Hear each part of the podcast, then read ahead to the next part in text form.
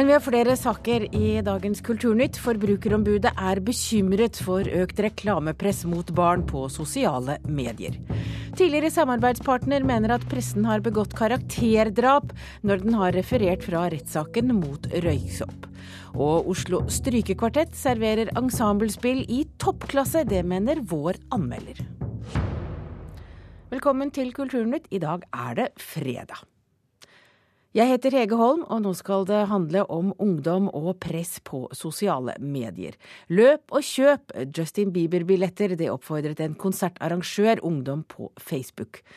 Det hadde de lov til. Det er ikke reklame rettet mot barn, har Markedsrådet avgjort. Men Forbrukerombudet frykter at Markedsrådets vedtak kan gi inntrykk av at det er fritt fram for markedsføring mot barn på sosiale medier. Her. Du kan se på uh, ja, videoer og sånn som, ja, som, de har lagt ut, da. De er veldig flinke til å synge, og så er de veldig morsomme, og de er seg selv, og så er de veldig pene og sånn. Alt er perfekt. Natalie er One Direction-fan, og som for 13-åringer flest innebærer det å være fan på Facebook. Når hun trykker liker på sider som handler om den britiske popgruppa, får hun meldinger om bl.a. konserter. Noen ganger trenger hun ikke engang å melde seg på, før oppfordringene strømmer inn. Eh, jeg tror det var noen venner av meg eller noe som hadde invitert meg til å bli med på et sånt arrangement til One Direction-konserten som var i Norge. Og da også plutselig så begynte jeg å få masse meldinger. Ja, det er veldig irriterende når jeg en gang ikke har meldt meg på eller noen ting. Jeg fikk jo mye mer lyst til å være med på den konserten. Man føler liksom at man må ha de billettene når du, får, når du blir minnet på det hele tiden. Så kommer det jo rett inn i newsfeeden til hver enkelt som har vært og, og likt det. Og det er jo for så vidt mitt område på Facebook. Der er jo vennene mine skriver jo, her er alt som jeg følger med på. Og når det da kommer kjøpsoppfordringer her midt i newsfeeden, så det blir det en veldig sterk oppfordring om å, å kjøpe. Forbrukerombud Gry Nergård er bekymret for at barn i økende grad blir utsatt for reklame på sosiale medier som Facebook. Nettstedet blander meldinger fra private venner og kommersielle aktører i en strøm av nyhetsoppdateringer. Og slike gråsoner gjør det ekstra viktig å beskytte de unge, mener hun. Reklame på Facebook eh, vil jo være veldig sterk påvirkning på barn, for da får du det rett inn på din Facebook-profil, på din newsfeed, og vil være veldig direkte retta til deg, da, i motsetning til en annonse i et ukeblad eller en annonse på en plakat i byen. If I was your boyfriend. Tenåringsidolet Justin Bieber kommer til Oslo i vår. Konsertarrangøren Atomic oppfordret ungdom på Facebook til å løpe og kjøpe da billettene ble lagt ut for salg i fjor. Det er ikke lov å rette reklame direkte mot barn, og Forbrukerombudet reagerte med å ta saken til Markedsrådet. Og helt klare kjøpsoppfordringer, sånn som vi så det da. Kast deg på sykkelen og løp og kjøp, og det er bare så og så mange billetter igjen. Dette var en informasjon fra vår side om nå er billettene i salg. Eh, det var det liksom alle hadde sittet og ventet på. Sier arrangør Per Osmundsvåg i Atomic, og fikk medhold i Markedsrådet.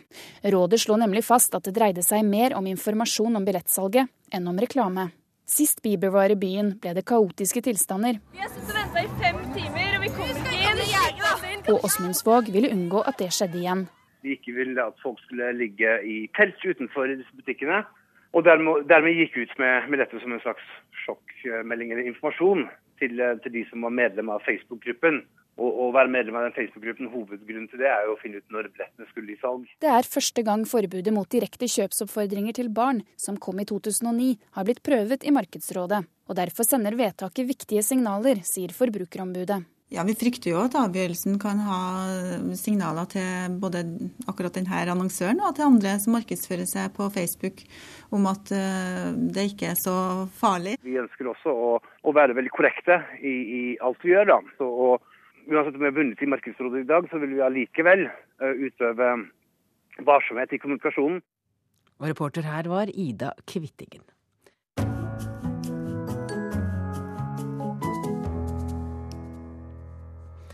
Natt til mandag, da får vi altså svaret. Blir det endelig en Oscar-statuett å ta med hjem til Norge for beste utenlandske film? Fra i kveld er regissører, produsenter og de sentrale skuespillerne på plass i Hollywood. Anders Bosmo Christiansen er sistemann til å reise over, og han har hatt det så travelt med premiere på Nationaltheatret at han ikke har rukket å tenke så mye på Oscar. Ja, si det. Jeg har ikke tenkt så nøye på det. Jeg har nettopp hatt premiere her på teatret med Onkel Vanja, så jeg liksom nå først nå får stilt om hodet litt. Men ja, først og fremst så er det å se eh, hele gjengen igjen. Eh, jeg tror vi skal få en veldig Det er en slags, nesten en slags avslutning på, på reisen, på en eller annen måte. Reisen har vært et eventyr så langt, både på og utenfor lerretet for Anders Båsmo Christiansen, som spiller Herman Watzinger, og de andre i Kon-Tiki-teamet. Your uh, magazine will be uh, with me on a raft at the mercy of the winds all the way to uh, Polynesia. Kon-Tiki fikk god mottakelse under filmfestivalen i Toronto. Også i Sverige har filmanmelderne tatt godt imot den.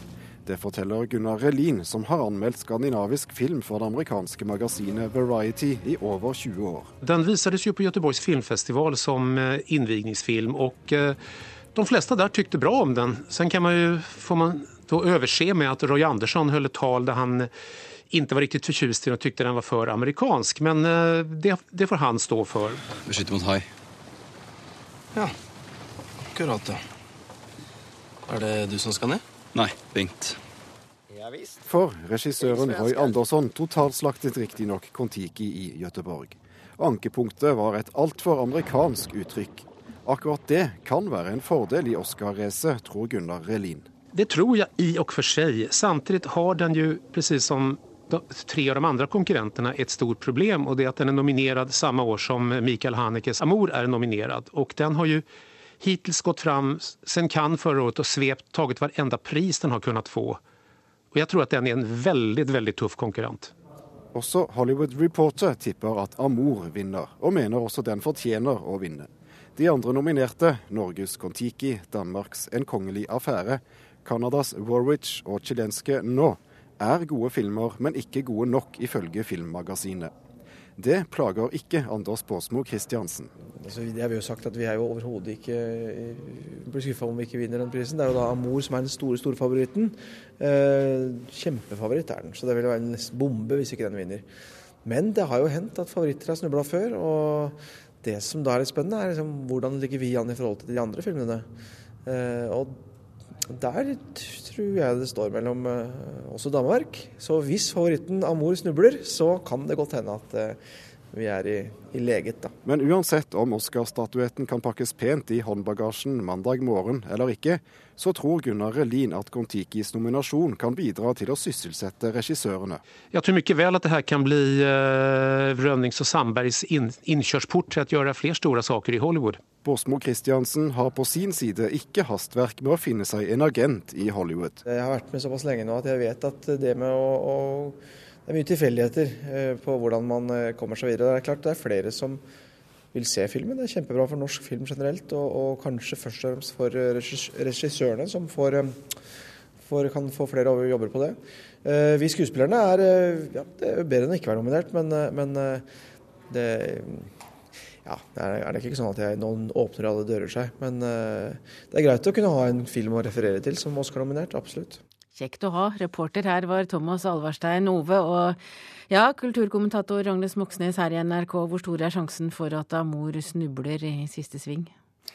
Ja, ja, nei, den eh, Ja, man vet jo aldri. Jeg syns jo Anders Båsmo Christiansen er en klok kommentator her. Eh, det er eh, moro å være med. Og så hvis det skulle skje noe sånn, så hadde det vært fint, selvfølgelig. Men jeg tror ikke man skal ha så veldig store forhåpninger. Vi har jo snakket mest om Kon-Tiki her i Norge, men det fins jo flere Oscar-priser. Hvilke filmer er alle de andre opptatt av? Ja, altså For folk som liker spenning i forbindelse med sånne prisutdelinger, så er det et bra år i år. Altså Amor ligger jo selvfølgelig godt an. Men det er særlig tre filmer som konkurrerer nå, som er liksom i, tet, i teten. da. Og det er vel 'Argo' som er en, en veldig spennende og vellaget film om et gisseldrama i Iran i 1980 den har liksom dratt med seg det meste av priser denne vinteren her.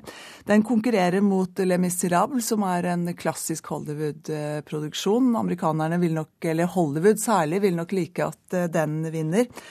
Og så er det Steven Spielberg da, og hans portrett på president Abraham Lincoln. Eh, den er, var nominasjonsvinner til Oscar, nominert til tolv priser, men har høstet veldig få priser i løpet av vinteren. Så spørsmålet er jo nå kommer den hjem til eh, sine egne, og, eh, og kanskje blir det Steven Spielbergs Oscar-comeback på søndag kveld. Dette skjer altså natt til mandag. Men en annen norsk film konkurrerer om en gjev filmpris i helgen, for i kveld skal nemlig franskmennenes filmpris César deles ut. Og der er Joakim Triers film Oslo 31. august nominert til beste utenlandske film. Og produsent Yngve Sæther sier dette om nominasjonen. Jeg har vel hvilepuls, men eh, det er klart eh, Det er jo veldig stort. Det er jo første gang en norsk film har blitt eh, nominert til César, som da er fransk films Oscar. Det er jo nå 160 000 som har sett den i Frankrike, som er veldig mye. Og som er den norske filmen som har gått klart best på kino i Frankrike noensinne. Jeg må jo også spørre, eh, Amanda-juryen tok jo ikke med denne filmen engang som eh, en av fjorårets beste norske filmer. Hvordan føles det nå? Nei, Det er jo en morsom, det vil bli en liten morsom fotnote i norsk filmhistorie, tror jeg, at uh, verken 'Hodejegerne', da, som var nominert til BAFTA, Englands tilsvarende pris, eller Oslo 31. august var nominert til Amanda. Og det vil vel kanskje ettertida tenke at det må ha vært et veldig bra filmår. Ja, Det sa Ingve Sæther til reporter Ina Strøm og Agnes Moxnes. César-nominasjonen har jo ikke fått så mye oppmerksomhet, ikke like mye som Oscar. Men det er vel like, likevel grunn til å merke seg at eh, franskmennene har nominert Triers film? Absolutt. Og hvis jeg skulle satt Eh, sette noe penger på en norsk film denne helgen, så ville jeg satt den på Oslo 31. august. Den er i samme eh, kategori som eh, Argo, altså beste fremmedspråklige film, når César-prisene deles ut i kveld. Men ifølge liksom fransk logikk så er Argo en spennende og vellaget amerikansk film, men det er ikke filmkunst, og det ser de på Oslo 31. august som. Men hva slags pris er denne César-prisen? Altså Frankrike våknet opp i 1975 og oppdaget til sin forskrekkelse at amerikansk film eh, spilte inn mer i Frankrike enn det fransk film gjorde. Så det kulturminister, daværende kulturminister Jacques Lang gjorde da, var at han gjorde om på all finansiering av fransk og også europeisk film. Og så etablerte han denne César-prisen. Og det er virkelig noe av det gjeveste i fransk eh, sosietetsverden. Der møter kultureliten toppolitikerne. Man må vente. altså Hollywood er det bare bransjen som er til stede. Men i Paris i kveld så kan gjerne presidenten være der, statsministeren, altså toppen. Og det er direkte overført på TV. Det er masse oppslag i fransk presse både før, under og etter eh, prisutdelingen. Så franskmennene eh, Gjennom den, altså Oslo 31. august så tror jeg franskmennene opplever at eh, de har oppdaget Joachim Trier. Og Joachim Trier har på en måte nå satt Norge på det kulturelle kartet i Frankrike. Spennende. Denne prisen er altså, den deles altså ut i kveld, César-prisen i Frankrike. Du hører på P2s Nyhetsmorgen, og dette er hovedsaker i nyhetene akkurat nå. Det må bygges flere boliger for å unngå sosial uro, sier Obos-sjefen. Få politivoldssaker ender med straff. Det er forståelig, ifølge professor i kriminologi. Og hadde Edvard Munch barn? Det mener amerikansk Munch-kjenner at man bør finne ut i Norge. I går var det siste dag i retten i saken mellom Rune Lindbekk og gruppa Røyksopp. Lindbekk vurderer nå å gå til pressens faglige utvalg med å klage på flere medier som har sitert negative beskrivelser av ham. Jeg kom vel uh, ut som en forferdelig fyr. Rune Lindbekk har tilbrakt uka i Bergen tingrett med tidligere samarbeidspartnere fra elektronikabandet Røyksopp.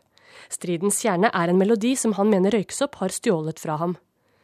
Saken har fått mye oppmerksomhet i media, og Lindbekk er ikke imponert over pressen. Eh, når det kastes ut masse påstander i, en rettssal, eh, og det blir eh, brakt videre uten å sjekke, som man skal gjøre, jf. Vær varsom-plakaten, ensidig, så mener jeg at det er vel det som kalles for klikkejournalistikk. Og det, jeg syns man selv skal ta, ta, hensyn til Vær varsom-plakaten. Og at man, pressen følger eh, de, de, retningslinjene som ligger der. Lindbekk reagerer på at media har sitert det som har blitt sagt om ham i retten, uten å ta med hans versjon. I stad nevnte du karaktermord. Er det det det er snakk om? Ja. I går eh, var det vel rett og slett det. Nå vurderer han å klage inn seks norske mediebedrifter til pressens faglige utvalg, blant dem Bergens Tidende. Sjefsredaktør Gard Steiro er ikke enig i at avisen har brutt god presseskikk. Nei, jeg mener at Lindbekk er helt på villspor. Eh, her har vi eh, omtalt helt relevante vitneutsagn fra retten. Og Jeg kan forstå at han syns det er ubehagelig, men det er ikke et overtramp. Dette er helt normale rettsreferater. Og Her er det Lindbekk som selv har valgt å gå til sak og rettet sterke beskyldninger mot Røyksopp. Han har i høyeste grad fått fremmet sin syn på denne saken, og han må òg regne med at hans motpart i retten fremmer sitt syn. Og reporter her var Runa Victoria Engen og Ina Strøm. En av USAs fremste kjennere av Edvard Munch mener Norge bør gjøre mer for å undersøke om kunstneren hadde barn. I fjor sto en amerikansk nonne fram og hevdet at hun var Munchs barnebarn. Kurator Andrew Robinson, Robinson karakteriserer farskapsspørsmålet som fascinerende og interessant. 2013 is the 150th anniversary of Edvard Munch, and we're celebrating him throughout the year with many different den norske kulturministeren Hadia Tajik snakker varmt om Norges største kunstner, Edvard Munch, i hans jubileumsår her i ambassadørboligen i Washington. I rommet sitter en av USAs fremste kjennere av Munchs kunst, den erfarne kuratoren Andrew Robinson ved National Gallery of Art her i Washington. Han har stått bak tre store Munch-utstillinger de siste årene i amerikanernes nasjonale galleri, og planlegger en ny utstilling til sommeren som en slags bursdagshilsen 150 år etter Munchs fødsel.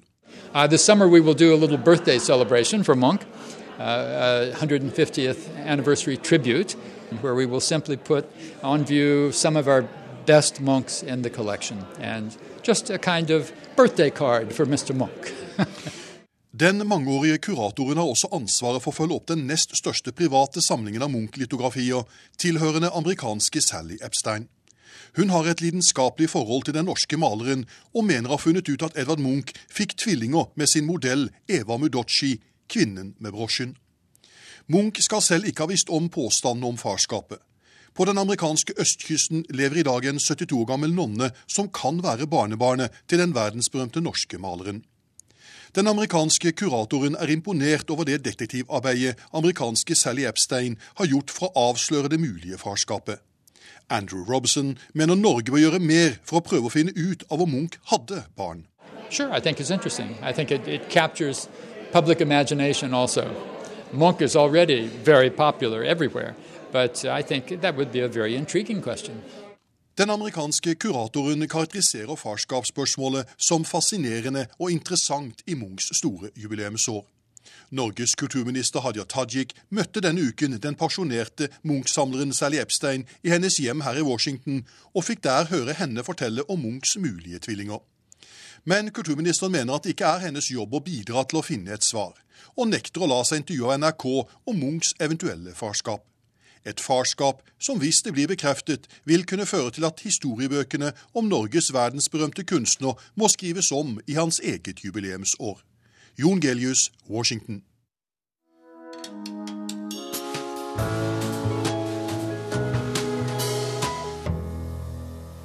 Barneboken De babyfargerike er rasistiske, mener svenske kritikere. Nå trekker Gyldendal boken fra det norske markedet etter forfatterens eget ønske.